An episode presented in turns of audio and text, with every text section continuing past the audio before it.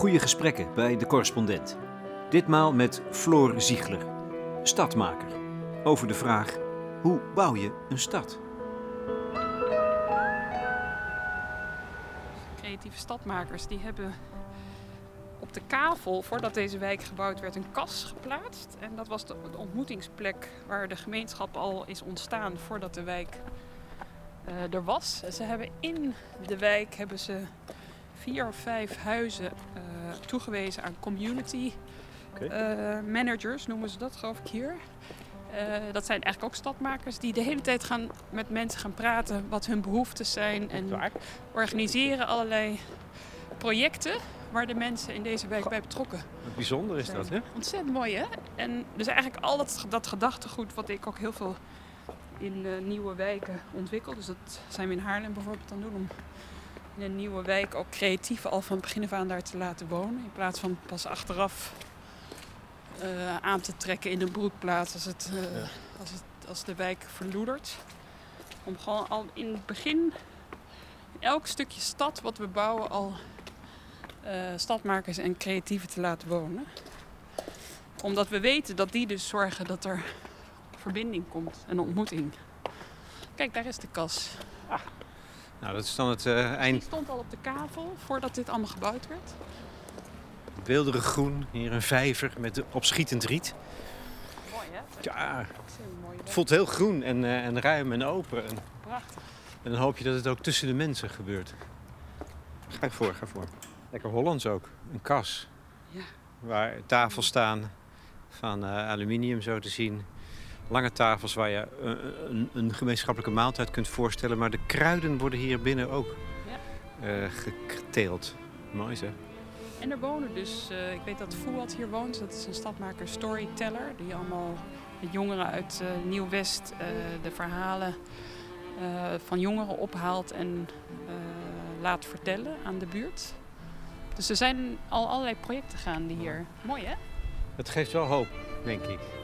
Dit is toch mooi? De, want dit is voor mij de nieuwe wereld, noem ik dat. Dat is dus echt een stad waar je de gemeenschap al van begin af aan betrekt bij de leefomgeving. Uh, door mensen aan te spreken op hun hobby's aan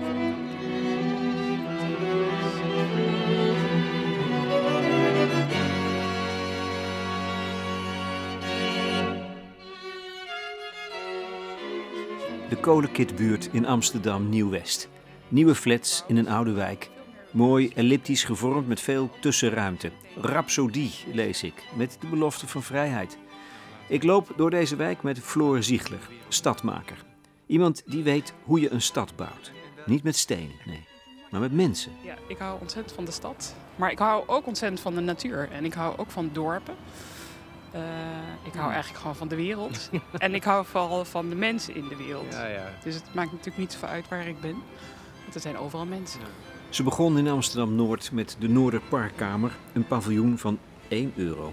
Inmiddels heeft ze overal in Nederland succesvolle en originele projecten op haar naam staan.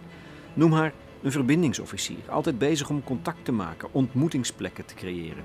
Geef haar zo'n plek en een thema ze spint een web van contacten en je zal zien dat er iets bijzonders gebeurt. Maar het begint met iets heel simpels. Gewoon gaan lopen door een wijk die je niet kent. Dat geldt nu ook voor deze kolenkitbuurt. Floor heeft er de rapporten niet op nageslagen, bewust niet. Nee, bewust niet. Um, want dat is eigenlijk ook wat ik altijd overal in de wereld doe. Ik stap gewoon een trein uit of een bus uit of, een, uh, of ik fiets ergens naartoe. En dan ga ik het liefst altijd lopen. Uh, en ik ik verdiep me juist nooit van tevoren in de wijk uh, om zo open mogelijk me, uh, ja, me te verdiepen in wat op mijn pad komt. Dus ik wil, daarom heb ik tegen jou gezegd: kom maar gewoon naar deze wijk en we zien wel wat er gebeurt. Ja. Zo bewaak je je onbevangenheid. Al lopend speurt ze in een wijk naar nieuwe stadmakers, mensen die mee willen bouwen aan hun omgeving, verantwoordelijkheid dragen. Over de stad spreidt zich inmiddels een netwerk uit. In een broedplaats in de buurt van de Rai is een stadmakerscentrum geopend in het Huis van de Commons. Wij hebben afgesproken bij een andere broedplaats, Wow, aan de A10. Door het plexiglas van de geluidswal zie ik het verkeer doordenderen. Ik start altijd heel graag bij een plek waar uh, creatieven wonen of werken. Want dat heeft natuurlijk wel een reden. Welke reden is dat? Nou, als stadmaker, uh, stadmakers zijn over het algemeen vaak wel creatief. Het zijn creatieve geesten. Dat wil niet zeggen dat het kunstenaars zijn, maar het zijn wel mensen die uh, in mogelijkheden denken. Het zijn mensen die kunnen verbinden. Het zijn mensen die vooral ook uh, eigenlijk kunst maken van mensen, zeg ik wel eens. Het zijn, de, het zijn een soort. het zijn mensen die kunnen koken met mensen of kunnen. Hm ja, het klinkt nu een beetje abstract. Je zal merken dat als we met mensen gaan praten op straat, dan hoop ik dat jij gaat merken dat ik een stadmaker ben. ja, ik mag erbij zijn nu even. Lexje, of jij gaat met mij mee. Uh, ik denk dat een stadmaker van nature heel nieuwsgierig is naar wat uh, mensen bezighoudt, wat mensen beweegt. En, niet, en natuurlijk altijd in een wijk, want uh, het stadmaken gaat altijd over het kleine, dus niet het grote, maar het kleine, het lokale. En het gaat over het verbinden van mensen in wijken, gemeenschappen vormen. En um, vanuit het principe dat, maar dat is wel heel erg mijn gedachtegoed, dat uh, mensen altijd onderdeel willen zijn van een gemeenschap. Waar je ook in de wereld komt. Uh, als je mensen, dat gaan we zo natuurlijk ook even uitproberen, als je mensen vraagt wat hun verbindt met de wijk, zullen ze heel vaak het antwoord geven omdat ik mijn buren ken, omdat ik hmm. hier geboren ben en mijn familie hier woont. Dus het heeft, je kan het eigenlijk altijd herleiden naar dat de mens onderdeel wil zijn van een gemeenschap. Dat is wel grappig, want dat staat zo'n beetje haaks op het idee dat wij in, in een hyper-individualistische wereld leven, in tijd leven. Zeker, ja. En daarom denk ik dat er ook heel veel uh, ongelukkige mensen zijn, dat er heel veel eenzaamheid is. Ik dacht gisteren nog van wat is nou eigenlijk gelukkig zijn en wat is ongelukkig zijn. En toen dacht ik, uh, dat heeft hiermee te maken. Dat je bent ongelukkig als je, je, als je niet ertoe doet. Als je niet in een gemeenschap uh, een rol hebt. Als je niet je talenten kan inzetten. Als je niet um, het gevoel hebt dat je, uh, dat, je, dat je je eigenlijk hulpeloos voelt, machteloos. Dat je geen eigenaarschap hebt. En ik denk wat er afgelopen jaren is gebeurd, is dat, dat komt natuurlijk ook door de welvaart in Nederland, dat de overheid zoveel naar zich toe heeft getrokken. Dat eigenlijk kan je zeggen, heeft de overheid natuurlijk helemaal niet bewust, maar de mens ongelukkiger gemaakt. Omdat uh, de ambtenaren en de wethouders met al hun goede bedoelingen en sowieso alle grote systemen, hè, politie, uh, ik werk met politie, ik werk met brandweer, met alle grote systemen die oorspronkelijk bedoeld waren om de mens gelukkiger te maken, zijn zo ver van de mens verwijderd geraakt. Of niet per se altijd gelukkiger, maar wel. Het zijn allemaal systemen die gericht zijn op een betere wereld. En die zijn uiteindelijk helemaal losgeweekt van de mens. Waardoor die mens uh, zich helemaal niet meer verbonden voelt met waar dat systeem voor staat. Ook de mensen die in zo'n systeem werken, bedoel je? Of daarbuiten? Ook. Nou ja, het begint natuurlijk met de, met de mensen in die wijken.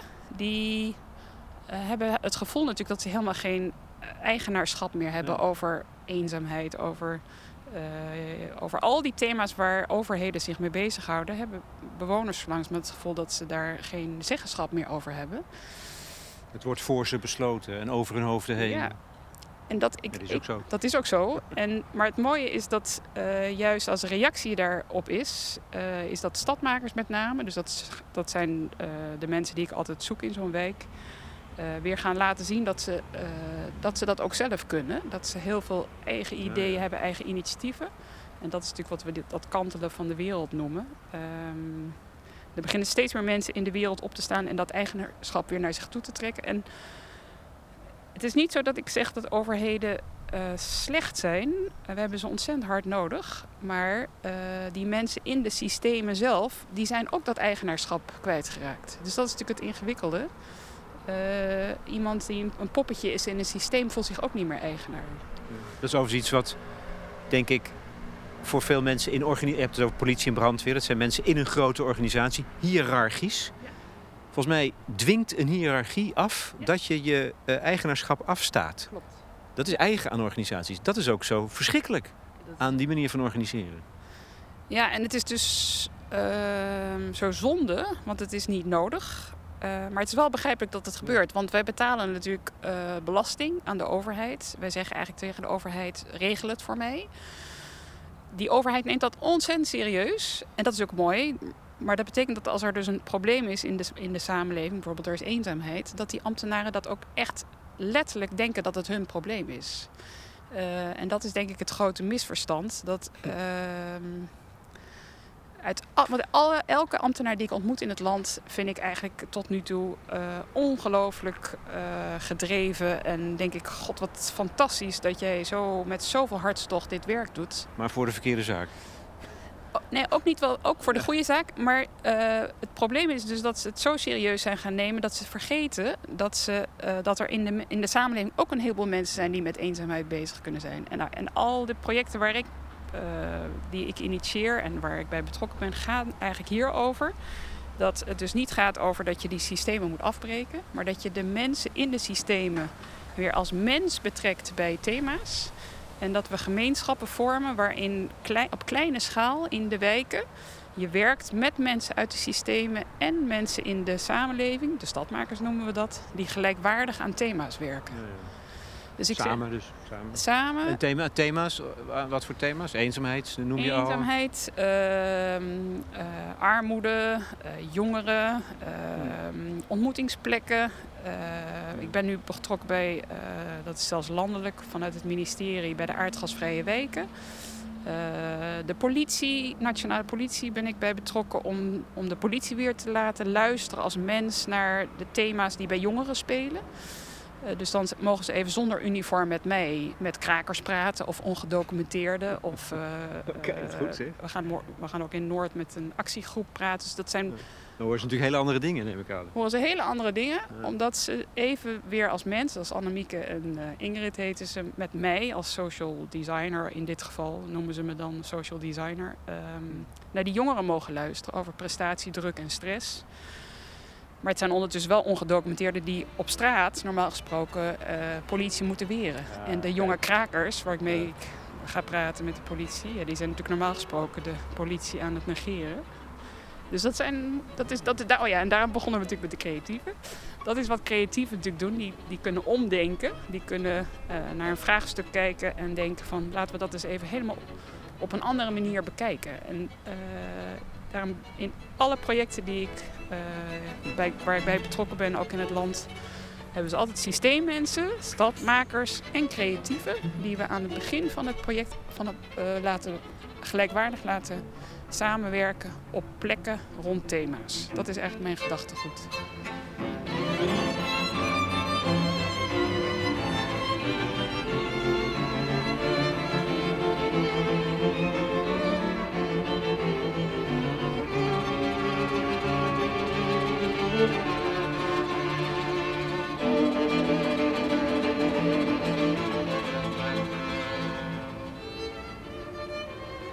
De kern is dus ook creativiteit maakt de stad. Maakt de stad. Precies. Ja, het zijn creatieve altijd. Want creatieven brengen, dat zie je hier ook weer, die brengen uh, reuring in een buurt, die verbinden. Je hebt natuurlijk ook kunstenaars, heel veel kunstenaars, dat weet je ook, die zitten gewoon, en dat is ook prima, in hun atelier maken prachtige kunst. Een violist moet gewoon uren studeren op zijn of haar viool.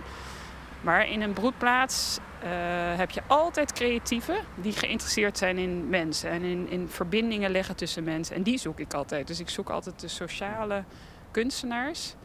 En nou, daar zijn voorbeelden van genoeg. Hè. In, in, Lola Luid heb je, heb je de gymzaal waar ze met um, Marokkaanse jongeren voetballen tot koekjes bakken. Die verzinnen allerlei projecten waar de buurt gewoon aan mee kan doen. En daar geloof ik ook heel erg in dat die, die, die werelden komen dan in zo'n broedplaats, zien ook die prachtige kunst. Want dat is natuurlijk wel ook waar ik echt in geloof, dat kunst en creativiteit brengt schoonheid, opent je blik, laat je anders naar de wereld kijken. Dus in zo'n broedplaats komen die werelden samen. want dan zie je ook weer de mogelijkheid van gemeenschap. Door die blik ook, denk ik. Want de wereld is mooi in plaats van Precies. afzichtelijk en je moet je ervan, uh, wil je niks mee te maken hebben. Ja, dat hebben we in Noord zoveel kunnen ervaren dat als je creatieve koppelt aan mensen die uh, niet zoveel mogelijkheden hebben, maar wel heel veel talenten. Het is echt prachtig wat er dan gebeurt. We hebben natuurlijk zoveel mensen in Noord zien opbloeien omdat talenten werden aangesproken door, door kunstenaars. En dat ze ineens ondernemingen begonnen uh, met hun de kleding die ze maakten tot... Uh, nou ja, we hebben, we hebben natuurlijk eindeloos veel kunnen oefenen en experimenteren met wat er gebeurt als je mensen uit kwetsbare wijken verbindt aan kunstprojecten. Dat is prachtig om te zien. Zo ontroerend is dat toch? Oh, eindeloos. Ja, ik kan daar echt elke keer door geraakt zijn als ik zie wat, wat er dan met mensen gebeurt. In Emmeloord, in een flat, waar we dan een, een man in totale ellende aantreffen, maar wel ontdekken dat hij kan uh, schrijven en gedichten kan maken. Dat we die bij zo'n aardgasvrije wijkproject kunnen betrekken. En dat die zo iemand helemaal opbloeit, helemaal een rol krijgt, weer helemaal gezien Ja. wordt. Omdat hij ook een, ja, hij heeft heeft ook een functie in die, in die gemeenschap ook. Hij gaat iets betekenen. gaat Dus. iets betekenen. Hij ging hele huiskamers bouwen eh, in de portiek van de flat. Eh, we kregen elke avond op de WhatsApp kregen we een gedicht van hem. En dan vooral ook dat die verhalen, wat, wat, wat over de ellende in zijn leven, dat daarnaar geluisterd werd. Eh, dat, nou ja, dat hij gezien en erkend wordt. Daar begint het allemaal mee. Dat je mensen ziet en erkent. Eh, dan zie je ze opbloeien. En als je ze dan een beetje helpt met een ondernemingsplan schrijven of een subsidieaanvraag, dan ineens kan dat een, echt een leven veranderen. Ja, Mooi hè? fantastisch, ja. Gaan we nu lopen? Ja, laten we, laten we op pad gaan. En je-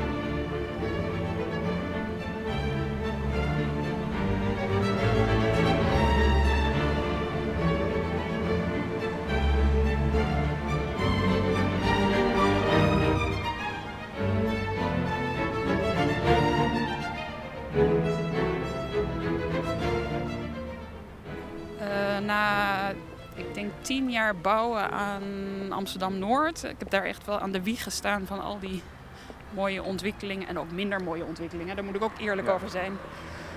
Want ik zit nu even de kant van de creatieve te beschrijven die zo prachtig... eh, ja, dat is Als het lukt.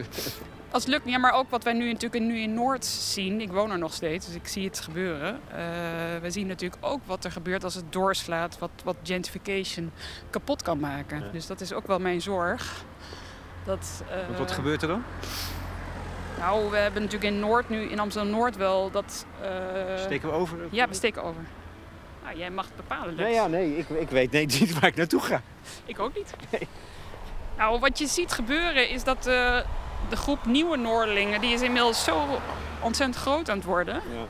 dat die hebben elkaar en die bekommeren zich steeds minder om de ja. oorspronkelijke bewoners. Ja. Terwijl in de Dan heb je tijd. weer nieuwe stadsma- stadmakers nodig eigenlijk. Precies. Je hebt er, nou, dat is serieus wat, wat wij nu ook wel weer aan het doen zijn. Ik ben ook wel weer af en toe aan het meedenken met, eh, met Amsterdam Noord. Ja. Eh, om zeg maar de jonge generatie stadmakers ook toch wel weer eh, daarover te laten nadenken. Van hoe blijf je nou samenleven in zo'n stadsdeel? Want op het moment dat zo'n nieuwe groep te groot wordt, zoeken ze elkaar op, op hun vertrouwde plekjes. Ja. En eh, gaan s'avonds of gaan op de pont naar hun werk en komen s'avonds thuis. En zijn helemaal niet betrokken bij hun stadsdeel. En dat, dat vind ik dan de nadelen van gentrification. Dan gebeurt er iets met de mens. Nou ja, dat is natuurlijk sowieso wat je altijd ziet. Dat mensen het uiteindelijk veel veiliger vinden om eh, met hun soortgenoten op te trekken. Het is veel Ja, dat, is, dat toch ook, maar dat is ook een vorm van gemeenschap voelen, creëren. Hebben. Ja, dus ik geloof dat... Om, ja, de, om de Vespa heen. Ja. Hier is blauw staat te glanzen. Nou, we komen bij een leuk pleintje. We kunnen zo even met Ja. de kinderen praten Ja. daar. Eh, ja, nee, dus dat, dat klopt. Ik, ik geloof ook dat dat dus helemaal niet erg is. Dat, dat, er, dat er plekken zijn waar je eh, je soortgenoten treft en dat je je gemeenschappelijke interesses deelt. En... Ja. Maar wat er gebeurt op het moment dat een gemeenschap zich sluit, eh, en dat is heel comfortabel, maar Ja. dan, dan, dan ben- ga je natuurlijk wel mensen buitensluiten. Ja. En ik Dat geloof is een dus- eeuwig proces. een eeuwig proces. Dus ik geloof altijd dat je. eh, ik ga af en toe in een café zitten waar ik me comfortabel voel. En ik ga soms in een café ja. zitten tussen de oude Noorderlingen, omdat ik daar ook mee wil praten. En, eh, dus het is niet, het is niet eh, of-of, het is en-en. Nou, ik dacht net, de straat is leeg. De Schaapherderstraat in Bos en Lommer. En hier is een leuk pleintje. Met... Dat is dat waar je naartoe zou gaan? Waar je Ja, af zou zou- stappen? Wat, zou wat zou je nu doen? Wat ik altijd doe is eh, gewoon lopen eh, en kijken wie er op mijn pad komt. Ik kijk altijd wel een beetje, eh, hebben mensen even tijd? Want als mensen gehaast zijn, dan, dan laat ik ze ook met rust. Maar kinderen zijn altijd leuk, vind ik, om mee te praten. Omdat zij hier... Ze hebben ons nu al in de smiezen. Ja. Omdat zij natuurlijk opgroeien in zo'n wijk. En uh, nou, dat gaan we even ervaren. Ze, ze, kunnen mooi vertellen over de wijk. Okay. Uh, ja, laten we dat gewoon even doen. Mogen we jullie even wat vragen? Ik ben alleen maar aan het rondlopen door deze wijk en dan met mensen aan het praten over wat voor soort wijk dit is. Of dit een fijne wijk is. Wonen jullie hier? Ja, hier in de straat. We zijn gewoon alleen maar een beetje aan het vragen wat voor soort buurt dit is. Een leuke buurt, alleen saai speeltuin. Een saai speeltuin? ja. Waarom? Ja, gewoon er is niks. Oh, er is niks. Jullie wonen, wonen jullie hier allemaal? Ja. ja. ik woon daar. Ik woon hier zo. Jullie, jullie spelen vaak op dit pleintje? Ja, heel vaak. Nee hoor, we spelen op de andere pleintje die. Ook op die, ook die, ook die. En waarom vind je dit pleintje nou niet leuk? Waarom is het saai? Uh, ja, gewoon alleen voor baby's. En we zijn gewend en daarom is het ook saai. Oh ja, ja. Je, je, als je hier elke dag speelt, dan mis je En het is ook nog leuker daar ook. Ja, bij, de, ja? bij de grootste speeltuin daar ook. Dat is leuker. Ja, bij de kruifkool. Hey, en, en waarom is dit nou een mooie, fijne wijk? Waarom vind je het hier fijn om te wonen? Gewoon omdat hier iedereen elke dag komt buiten spelen. Ja? Er zijn ook sportieve kinderen. Ja, en we hebben ook veel vriendinnen. Ja. Vriendinnen? Ja. En jullie kennen elkaar allemaal? Ja, het enige wat we doen is op de tunnel staan en eraf springen. Ja. En stoeien op de grond. En is er ook iets wat jullie missen in deze wijk? Ja, een waterkraan. Waterkraan? Heb je dorst? Drinkkraan. Ja, ja, kijk. Oké. Ik mijn moeder slaapt dan als ik dorst heb. Oh, dan kan je drinken. Oké, een kraan. Dat is goed om te weten. En, en...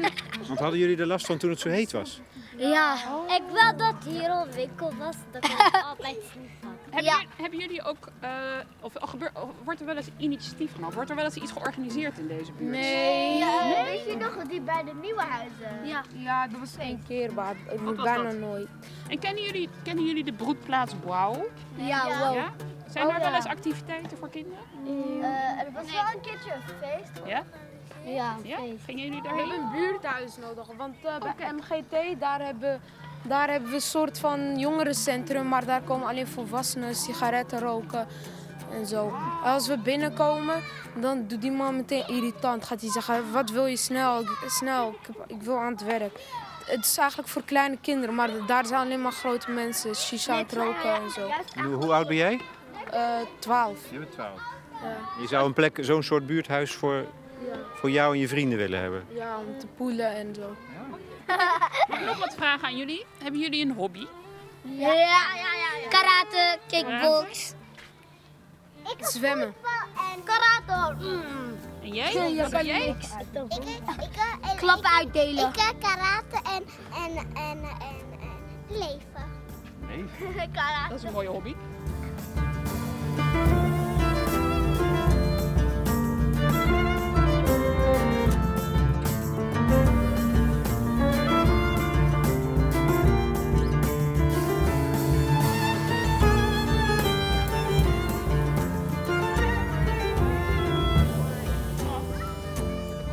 Aan de rand van het pleintje zitten vier moeders het tafereel met nieuwsgierigheid gade te slaan.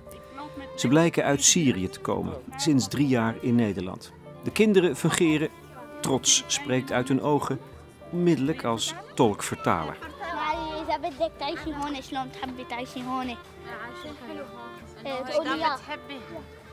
Ja, ik eh, heren blijven eh, mooie stad en eh, mooie mensen.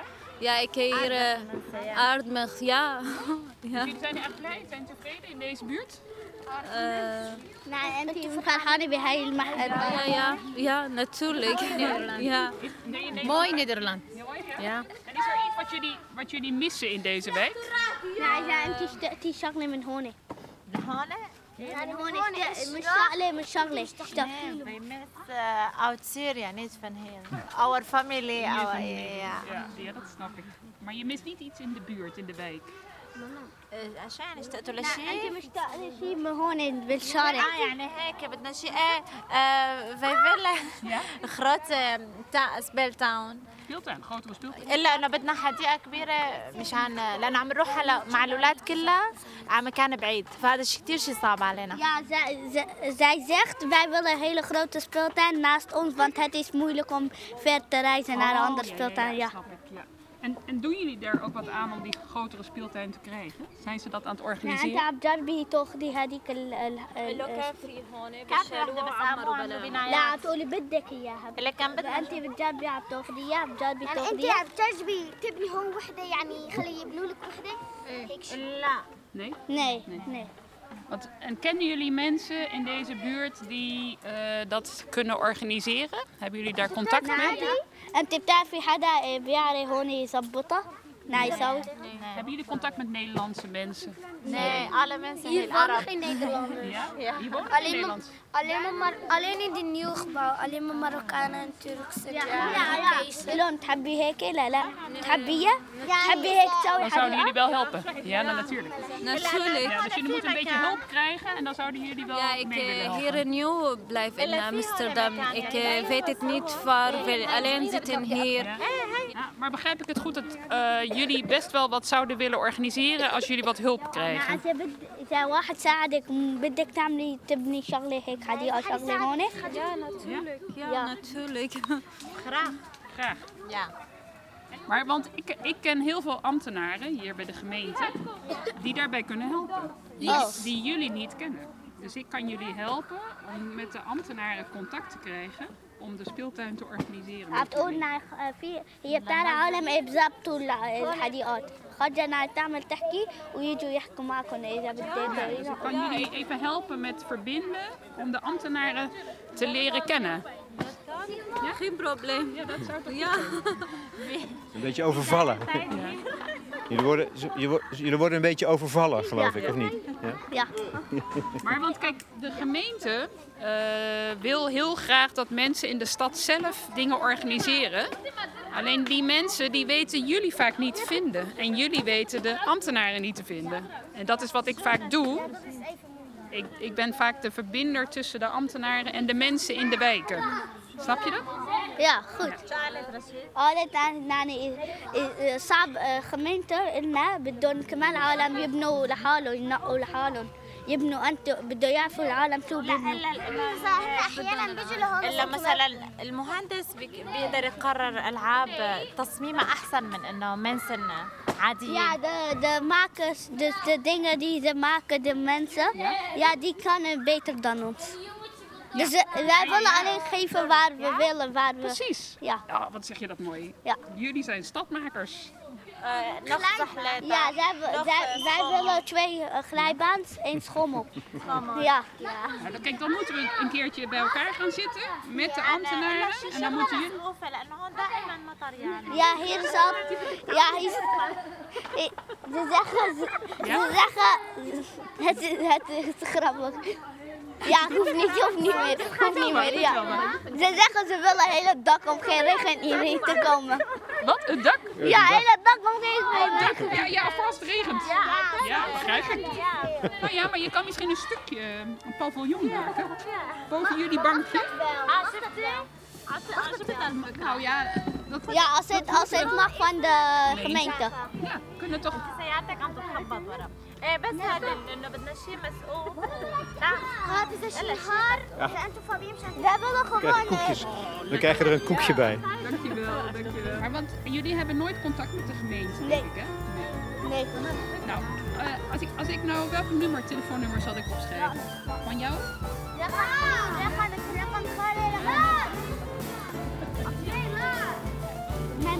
Moeder. Gewoon met zijn kaartje.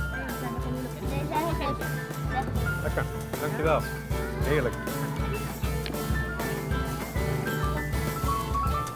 Zo, nou. Zo gaat het dus. Zo gaat dat dus, Lex. Jongen, jongen. Wat vond je ervan? Ja, dat is, er, er gebeurt zoveel. Ja, hè? Er gebeurt in die paar minuten dat je, dat je binnendringt in hun cirkel, gebeurt er veel. Je voelt weerstand, nieuwsgierigheid, angst. Eh, geschiedenis, eh, dingen die niet gezegd worden. De focus op dat spelen. Denk, ja, ze komen uit de oorlog. Ongelooflijk, hè? Maar dit gaat over spelen. Ja. Ik, op het moment dat je zegt, ik ben de verbinding tussen de gemeente en jullie, dan zie je ze een beetje glazig kijken, naar Ja, mijn idee. Dat is, weer- dat is te abstract. Ja. Eh, Ja, dat is was alweer te te- snel. Ik weet niet of je altijd zo snel handelt, toeslaat, maar Eh, ja, eigenlijk steeds sneller, omdat ehm, ik natuurlijk heel goed hun behoeften dus dan snap. ja. Eh, en ook meteen een mogelijkheid. je bent niet verveeld daardoor, door zo'n verlangen? Dat je denkt van, uh, moet om andere dingen gaan? Nee, nee, nee. Kijk, dit is de essentie. Kijk, de, ehm, je kan er natuurlijk heel veel over praten. Over die, dat er verbinding moet, meer verbinding moet zijn. Maar uh, ja, dat is denk ik wel wat, wat mijn kracht is. Ik kan het ook echt realiseren, die verbinding. En ja. Ook al snap... niet, je, staat hier, je hebt niet het gevoel dat je hier met lege handen staat dan. Tussen, opeens tussen die groep van moeders en kinderen. Nee, kijk, en ik weet natuurlijk van heel veel ambtenaren daar in, het, uh, in de Stopera, waar we nu het huis van de stad gaan maken. Dat daar, daar zijn tientallen ambtenaren op zoek naar deze moeders. Ik speel even, even zwart-wit gezegd. Hè. Er zijn gewoon heel veel uh, ambtenaren die potjes geld hebben, die mogelijkheden hebben. Eh, sinds uh, Rutger Groot-Wassink aan de leiding staat hier in Amsterdam, gaat het hier over? Gaat het hier over dat iedereen in de stad moet kunnen meedoen? Ja. Maar hoe doe je dat? dat? Dat is natuurlijk wat iedereen de hele tijd vraagt. Hoe doe je dat dan? Nou, dat, dit dus. dus zo, zo, zo, simpel. zo simpel. Wij luisteren. En mensen, dat is het eerste wat je ziet. Mensen vinden het fijn om gehoord te worden. Dus eerst voel je die weerstand. Ook bij mijzelf trouwens. Verbazing ook trouwens, zie je? Even, hè? verbazing. Um, maar ook, dat moet ik er ook altijd wel bij zeggen. Als ik op, net op de fiets zit naar jou toe, dan voel ik weerstand. Ik heb eigenlijk helemaal geen zin uh, om weer die drempel over te gaan. Want dat moet je wel degelijk ook. Het is span, een vorm van spanning, denk ik, die je voelt. Ja, het is natuurlijk, het is, je, moet, je moet even uh, jezelf openstellen. En dat openstellen, dat klinkt heel simpel, maar het is heel ingewikkeld. Want wat er gebeurt, is dat je uh, grip, je, je hebt geen grip meer. Je moet controle loslaten, want je weet nooit wat er gaat gebeuren. Je weet nooit wat, hoe mensen gaan reageren. Je kan afgewezen worden. Je kan uh, hele teleurstellende verhalen horen. Als je drie keer iemand treft die zegt: Ik heb geen tijd. Dat geeft natuurlijk niet zo'n fijn gevoel. Uh, of je kan, dat heb ik natuurlijk ook heel vaak, uh, verhalen horen die ontzettend aangrijpend zijn en pijnlijk en naar. Dat je echt buikpijn krijgt van, van de ellende die je over je heen krijgt. Dus dat is natuurlijk, dat is, door die weerstand moet je allemaal heen. Maar liever zegt, je moet de bereidheid in jezelf vinden. Die ligt dus ook niet, zelfs bij jou, met jouw nieuwsgierigheid en je, en je belangstelling voor mensen, moet je dat ook in jezelf. Maar is dat een verklaring waarom ambtenaren die dat wel zouden willen, dat dan toch niet kunnen of niet doen? Nou, dat is waarom er zoveel uh, over gepraat wordt. Hè. Hoeveel ja. bijeenkomsten ik wel niet uh, uh, voorbij heb zien komen en natuurlijk ook wel bij ben geweest, waar hierover wordt gepraat. Van we moeten meer verbinden, we moeten meer mensen betrekken.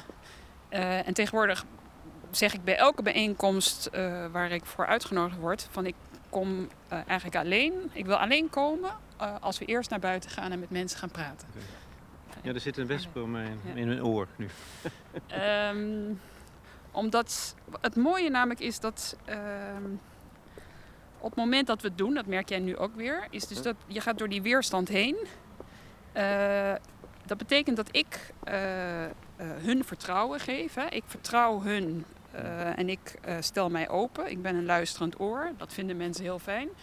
Vervolgens nemen ze mij in vertrouwen en gaan ze soms hele persoonlijke dingen vertellen. We hebben nu in een hele korte tijd van twintig kinderen en vier moeders uh, hebben we gehoord dat ze uit Syrië komen. Daar kunnen, daar kunnen wij ons meteen al van alles bij voorstellen. We hebben de belevingswereld van die kinderen gehoord, wat hun behoeftes zijn. Um, maar we hebben dus ook bij die moeders uh, gehoord dat ze iets willen, maar totaal niet weten hoe ze dat moeten aanpakken. Ze weten, hebben geen idee waar ze, waar ze moeten beginnen. Um, en voor mij is het heel simpel, want ik kan gewoon één telefoontje plegen. En ik kan bijvoorbeeld zeggen, laten we eens rond dit pleintje met stadmakers en met ambtenaren, met deze uh, kinderen die hier elke dag zijn, uh, die speeltuin gaan ontwerpen. Want je hoorde al, ze hadden er allemaal ideeën over. Ja, als je even langer blijft, want ik weet, blijf, zou je normaal langer blijven? Zou je dan, zou je dan blijven hangen uh, nu? Of denk je van nou, ik moet contact maken en door en dan terugkomen? Ik zou nu niet zo lang meer blijven, omdat dit. Ja. Uh, kijk, dit is wat wij dan noemen een omgevingswandeling. Dit, ja. dit, doen we nou bijna wekelijks overal in het land met ambtenaren of met het, mensen van het ministerie. Met, uh, nou, je kan het zo gek niet bedenken. We krijgen overal uit alle grote systemen uh, de hmm. vraag: wandel met ons door ja. de wijken. Uh, maar het is, ik, ik, moet, ik schiet in de lach. Dat is niet omdat ik het lachwekkend vind tegen. Maar het, wat je doet, dat, vind ik, dat vind ik er zo mooi aan. Het is namelijk zo eenvoudig. Zo eenvoudig. Dat, Ja, is dat zo- zeg ik ook. Ik moet ook altijd lachen hoor, als mensen Nee, mij dat bellen. is natuurlijk, je gaat de straat of je gaat lopen. Maar ondertussen, daaronder, zit iets heel anders. En dat is niet eenvoudig. Sterker nog, ik zeg altijd, eh, het is het meest eenvoudige wat er is. En tegelijkertijd het allermoeilijkste. Ja. Want wat jij net al zei, alles wat je nu ervaart, Ja. Is natuurlijk in het groot, het grote, de grote wereldproblematiek. Waarom we oorlogen hebben, waarom er, eh, eh, ja, waarom er verschrikkelijke dingen zijn. eh, Eenzaamheid, al die grote eenzaamheid. problemen zijn natuurlijk, denk ik. hebben hiermee te maken. En dat lopen en dat naar mensen toe bewegen en gewoon gaan luisteren. wat speelt er bij deze mensen? Als wij dat allemaal in Nederland één keer per dag zouden doen, één gesprek op straat, dan is volgens mij zijn alle problemen opgelost. Oh, je hebt nu contact gemaakt. Je hebt een ankertje of een, een hengeltje uitgeworpen. En dan Ja. heb je contact. Er, is een kaart, er zijn kaartjes gewisseld. Je weet een paar namen inmiddels. Ehm, Nou, kijk, maar ik- dat is het ik- begin, denk ik, van, van een proces, toch? Tuurlijk. Want wat zou hierna dan idealiter... Ja, misschien ga je het wel doen Ik trouwens. ga het zeker doen. Oh ja. Nee, kijk, ik ga nooit aan mensen telefoonnummers vragen eh, zonder dat en zeggen dat ik ze ga bellen en niet bellen. Want dat is natuurlijk wat er heel vaak gebeurt, Ah, ja. bij, vooral bij gemeentes. Die gaan allemaal bewoners vragen naar ideeën en vervolgens horen ze nooit meer wat. Daar, daar is natuurlijk al het, het, het eh, wantrouwen ontstaan. Dat zeker in die wijkaanpaktijd hebben, eh, s- hebben eh, overheden heel erg veel aan mensen gevraagd. Denk mee, denk mee. Ja. Dat is wat we participatie noemen. Maar dan mochten mensen hoogstens nog even meedenken over de kleur van een glijbaan.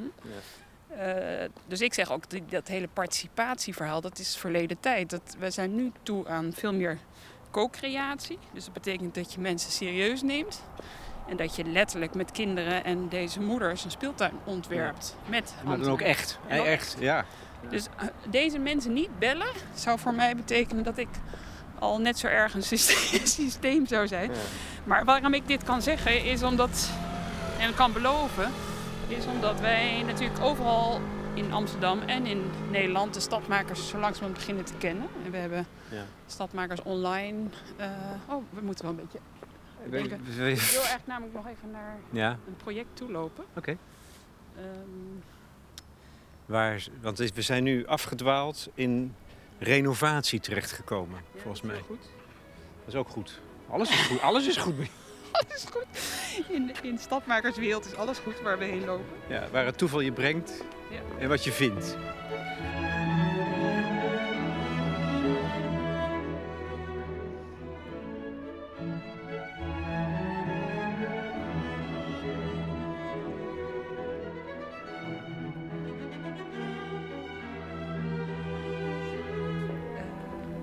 Door de jaren heen heb ik natuurlijk een enorm netwerk aan stadmakers. Dus ik heb een stadmakers online nu, Ja. daar waar alle stadmakers profielen op aan het maken zijn. Waar ik eh, bij wijze van spreken morgen een berichtje kan zetten. eh, kennen jullie dit plein? Eh, welke stadmakers zitten rond dit plein? Wie wil er een keertje meedenken met deze moeders? Ehm, ik ben bezig in de Stopra met allemaal stadmakers en Ilse Giek, dat is de bestuurder van het centrum, een van de bestuurders.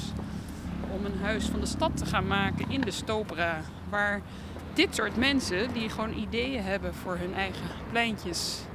Wij spreken in de Stopra met stadmakers en ambtenaren en raadsleden en wethouders.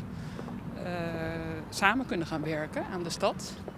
Dus ja, hier in Amsterdam is het nu steeds makkelijker voor stadmakers, omdat we elkaar goed weten te vinden, eh, om in die haarvaten van de wijken gewoon dit soort vragen met elkaar aan te pakken. En dan gaat het ook steeds sneller, bedoel je? Het steeds sneller en Want dit is, dit is dus echt reëel. Er kan hier een speeltuin tuurlijk. komen. nou, nee, het maar- zal niet, zo, het zal nee, niet er morgen zijn. Nee, dat weet ik wel. Maar, of dat weet ik wel, maar dat... Ja hoor, nee, ik, ik weet niet precies de procedures. Maar kijk, als dit niet kan, dan is het hele beleid van Rutger Groot-Wassink voor mij ook niet echt geloofwaardig. Als je tegen de Amsterdammers steeds zegt, je mag meedenken en mee, de stad meevormen. Ja. eh, dan moeten dit soort dingen ook mogelijk zijn. Dat wil niet zeggen dat deze paar moeders eh, dat morgen geregeld kunnen hebben. Nee, dat, maar dat snap ik wel. Maar dat Maar hoeft het ook kan niet. wel een, een co-creatieproces worden. Dat ze bijvoorbeeld een keer een ontwerpsessie gaan doen. Maar met- ik, ik denk namelijk, mijn vraag gaat, het, het- eigenlijk is mijn vraag niet goed. Het, het gaat er niet zozeer of die speeltuin er komt. Want ik heb het idee dat een ander doel belangrijker is. Namelijk dat zij weer verantwoordelijkheid kunnen voelen. En, en ehm, snappen dat het aan hen kan, mag en kan liggen. In- dat, is, Nou, dat, dat gevoel is volgens mij Heel, de, de, de, de, de, kern van de samenleving. Dat is volgens mij wat ik dan ook in zo'n gesprek eh, op me opricht. Dus Ja. daarom vraag ik ook aan de kinderen van hebben jullie ideeën? Eh, en aan, aan volwassenen vraag ik inderdaad vaak van eh, heb je er wel eens over nagedacht om het zelf te gaan organiseren? Ja. Daarmee zeg je dus eigenlijk... heel snel kwam die vraag, vond ik. Van mij? Ja. Ja? Ja, ik denk van nou, je bent net begonnen en dan... eh, en wat doen jullie zelf? Weet je, zo'n beetje... Nee, nee, nee, nee, Ja, nee, ik snap het. maar- Ik snap het. Ja, maar ik ben daar denk ik ook... eh, ja, ik, bedoel, ik, ik doe dit natuurlijk al zoveel jaren dat ik, ik wil daar naartoe. Maar het is ook niet zo gek om daar meteen naartoe te gaan. Want ook dat zit dus diep in de mens, dat die... eh, dat eigenlijk die behoefte heeft. Hè. De mens heeft natuurlijk het behoefte om iets voor de ander te doen. De, iets voor zijn omgeving te doen. Alleen hij is het vaak helemaal door, de, door eh, dat de overheid het allemaal organiseert. Of deze vrouwen die natuurlijk allemaal in hele kwetsbare situaties leven. Zijn ze er helemaal niet mee bezig. En dat kan je zomaar aanspreken. Ik kan Ja. overal op straat kan ik ook mensen gewoon eh, vragen van wat is je talent. En dan ze koppelen aan projecten met hun talenten. En dan zie je gewoon dat ze dat weer gaan ervaren. Het is, ook, het is ook die mogelijkheid überhaupt weer zien. Dat is het, denk ik Precies. waarom je het vraagt. Een soort toveren. Je, je, Ja. je kan mensen gewoon met een toverstokje aanspreken op, op, die, op dat eigenaarschap. Van, oh ja, ik kan het ook zelf. De goede vee, Flore Ziegler. Ja, het- Nou Ik vind het, nee, maar... Het heeft helemaal niks met mij te maken, maar het heeft ermee te maken dat je Nou ja, mensen serieus neemt. eh, en dat je dus dat die mensen kan aanspreken. ik denk dat jij ook moed nodig hebt. Ik heb wel moed nodig. eh, omdat ik eh, dus echt eindeloos vertrouwen moet hebben in mensen. Je, dat is dus eigenlijk wel een sleutelzin, denk ik. Ik moet eindeloos vertrouwen hebben in mensen. Dat is waar het over gaat. Zeker, ja. En, en Hoe doe je dat dan? ik denk dat dat wel ook wel echt in mij zit. Dat, ik dat, dat is mijn nieuwsgierigheid naar mensen. Maar ik denk door mijn leven heen, doordat ik het vertrouwen in mezelf had. ehm, en, en dus ook vertrouwen in anderen. eh, wordt dat dus ook bevestigd de hele tijd. Dus als je Door heel, te doen. door te doen. En eh, ja, eigenlijk is dat, dat eigenaarschap, dat heeft dus heel erg te maken met zelfvertrouwen. Hè? Met dat, je, Ja. dat je gelooft in, ehm, in je eigen mogelijkheden. Eh, en met dat je dat dus zelf kan ervaren en bij anderen kan aanspreken, kan je ook weer vertrouwen dat dat altijd op je pad komt. Dus, en dat je dat altijd bij mensen kan aanspreken. En dat heb ik natuurlijk keer op keer ervaren. Ik ben gewoon Amsterdam-Noord toen uitgelopen naar Friesland, naar een dorpje. Daar is het dus mee begonnen, dat lopen. Eh, zonder doel. En toen heb ik kunnen ervaren dat door vier dagen te lopen door Nederland... eh, dat ik me gewoon kon openstellen voor dat wat er op mijn pad kwam. En ik werd keer op keer bevestigd in dat dat eh, goed kwam. Of dat mensen te hulp schoten. Of dat mensen mij fantastische Ja. verhalen aanreikten. Ja, als je dat opzoekt, dan gebeurt het. Dat is, dat, dan is dat geen fabeltje, dan gebeurt het dus ook echt. Gebeurt het ook echt. En dan eh, blijkt dat dus ook altijd te kunnen. Dus dat geeft, dat geeft dan weer heel veel vertrouwen. Dat waar je in de wereld ook bent, je altijd mensen kan aanspreken. Maar heb je dan ook wel eens... We lopen langs een billboard... Kolenkitbuurt vernieuwd. Ja. Maar heb je dan ook wel eens een keer... Of vaker ongenadig de kous op je kop gekregen? Eh, In dat hele proces, die wandeling. En wat zou dat kunnen, wat bedoel je daarmee? Teleurstelling, bitterheid, eh, agressiviteit. Ehm, ah, ja, precies dat wat je zoekt, het vertrouwen dat je hebt, dat de mens niet wil of te vertrouwen is. Nou, ik heb wel in het Noorderpark situaties gehad die waren soms. Dat waren soms wel situaties dat ik echt dacht van jeetje, dit gaat maar net goed. Dus Ja? dat die, de, onze groep alcoholisten zo groot was geworden dat ze dan met z'n allen de Noorderparkkamer binnen stormden en de deur op slot deden. En dat wij als team eigenlijk gevangen zaten eh, in de Noorderparkkamer. Eh, nou, we hebben steekpartijen om ons heen meegemaakt. Zelfmoord, bommen die afgingen. Dus ik heb daar wel echt hele heftige dingen meegemaakt. En ik heb ook, ik kan me herinneren, in, in een vrij verlaten wijk in Nijmegen... een groep jongeren om me heen gehad die mij, die mij, die mij niet vertrouwden... omdat ze dachten dat ik van de politie was. En die waren wel behoorlijk... eh, heftig. Maar toen ook, heb ik ook met de alcoholisten en met deze jongeren heb ik kunnen ervaren dat ook in die situatie ehm, eh, ik vertrouwde op mezelf en ook op hun. En dat als je dat maar blijft Hm. uitstralen. Eh, en misschien ook wel. Wat ik dan altijd doe is, is echt serieus nemen. Dus ehm, Blijven luisteren, blijven kijken. ja, gewoon heel erg vragen blijven stellen, waardoor er verwarring ontstaat. Bij, dat, bij die jongeren weet ik ook nog dat ik dan alsmaar bleef vragen van... Maar wat is dan jullie behoefte? En wat, wat missen jullie? Of eh, wat, wat zouden jullie dan willen? En dat, dat is ook heel ingewikkeld als zij mij aan het bedreigen zijn... en ik maar blijf vragen, wat is jullie behoefte? Maar dat deed je echt. Dat deed je. Ja, weet, Ongelooflijk. en dan zeiden ze van, maar we willen je paspoort. We willen je identiteit. En dan zei, zei ik, oké, je mag mijn paspoort. En dan krijg je natuurlijk hele, krijg je een verwarrende situatie. Want dat is natuurlijk helemaal niet de bedoeling dat ik dat antwoord.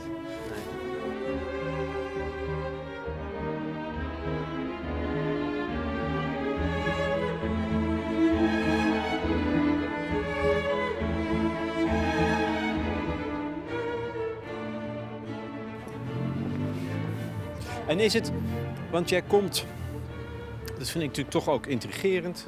Ehm, en ik ben een beetje op zoek deze een serie podcast naar de kracht van de kunst en de creativiteit voor de samenleving. Ja. Jij komt zelf uit de muziek. Ja.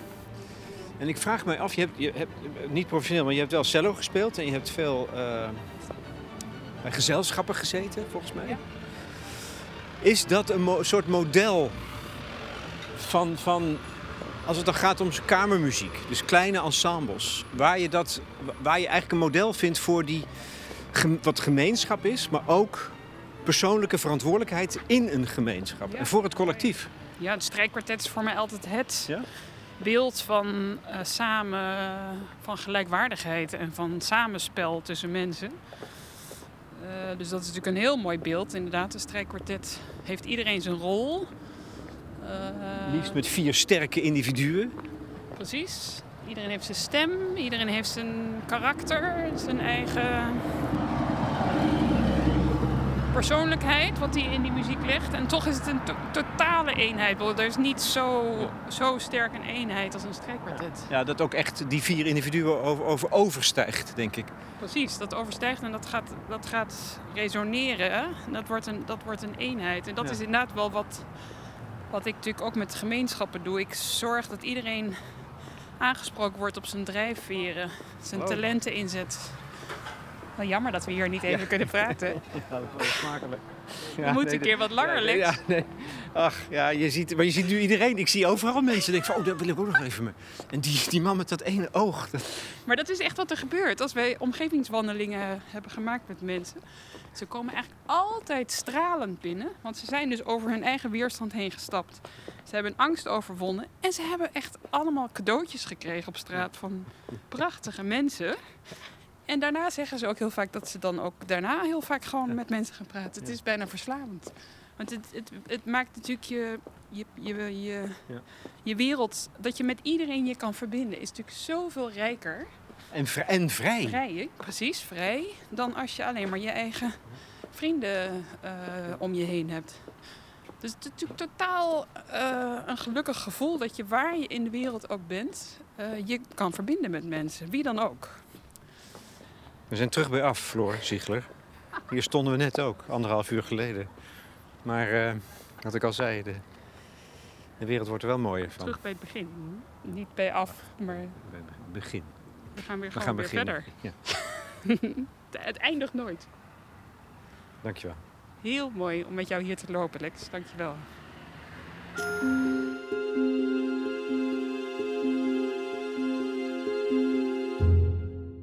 Floor Ziegler in gesprek met Lex Bolmeijer voor de correspondent. Als je wilt reageren, dan kan dat, als je tenminste lid bent van ons platform. Gebruik daarvoor het forum en laten we vooral het gesprek voortzetten. Nieuwe verbindingen maken. Als je op de hoogte wilt blijven van mijn serie Goede Gesprekken, abonneer je dan op mijn nieuwsbrief. Dan stuur ik een berichtje, telkens als er weer een nieuwe aflevering is.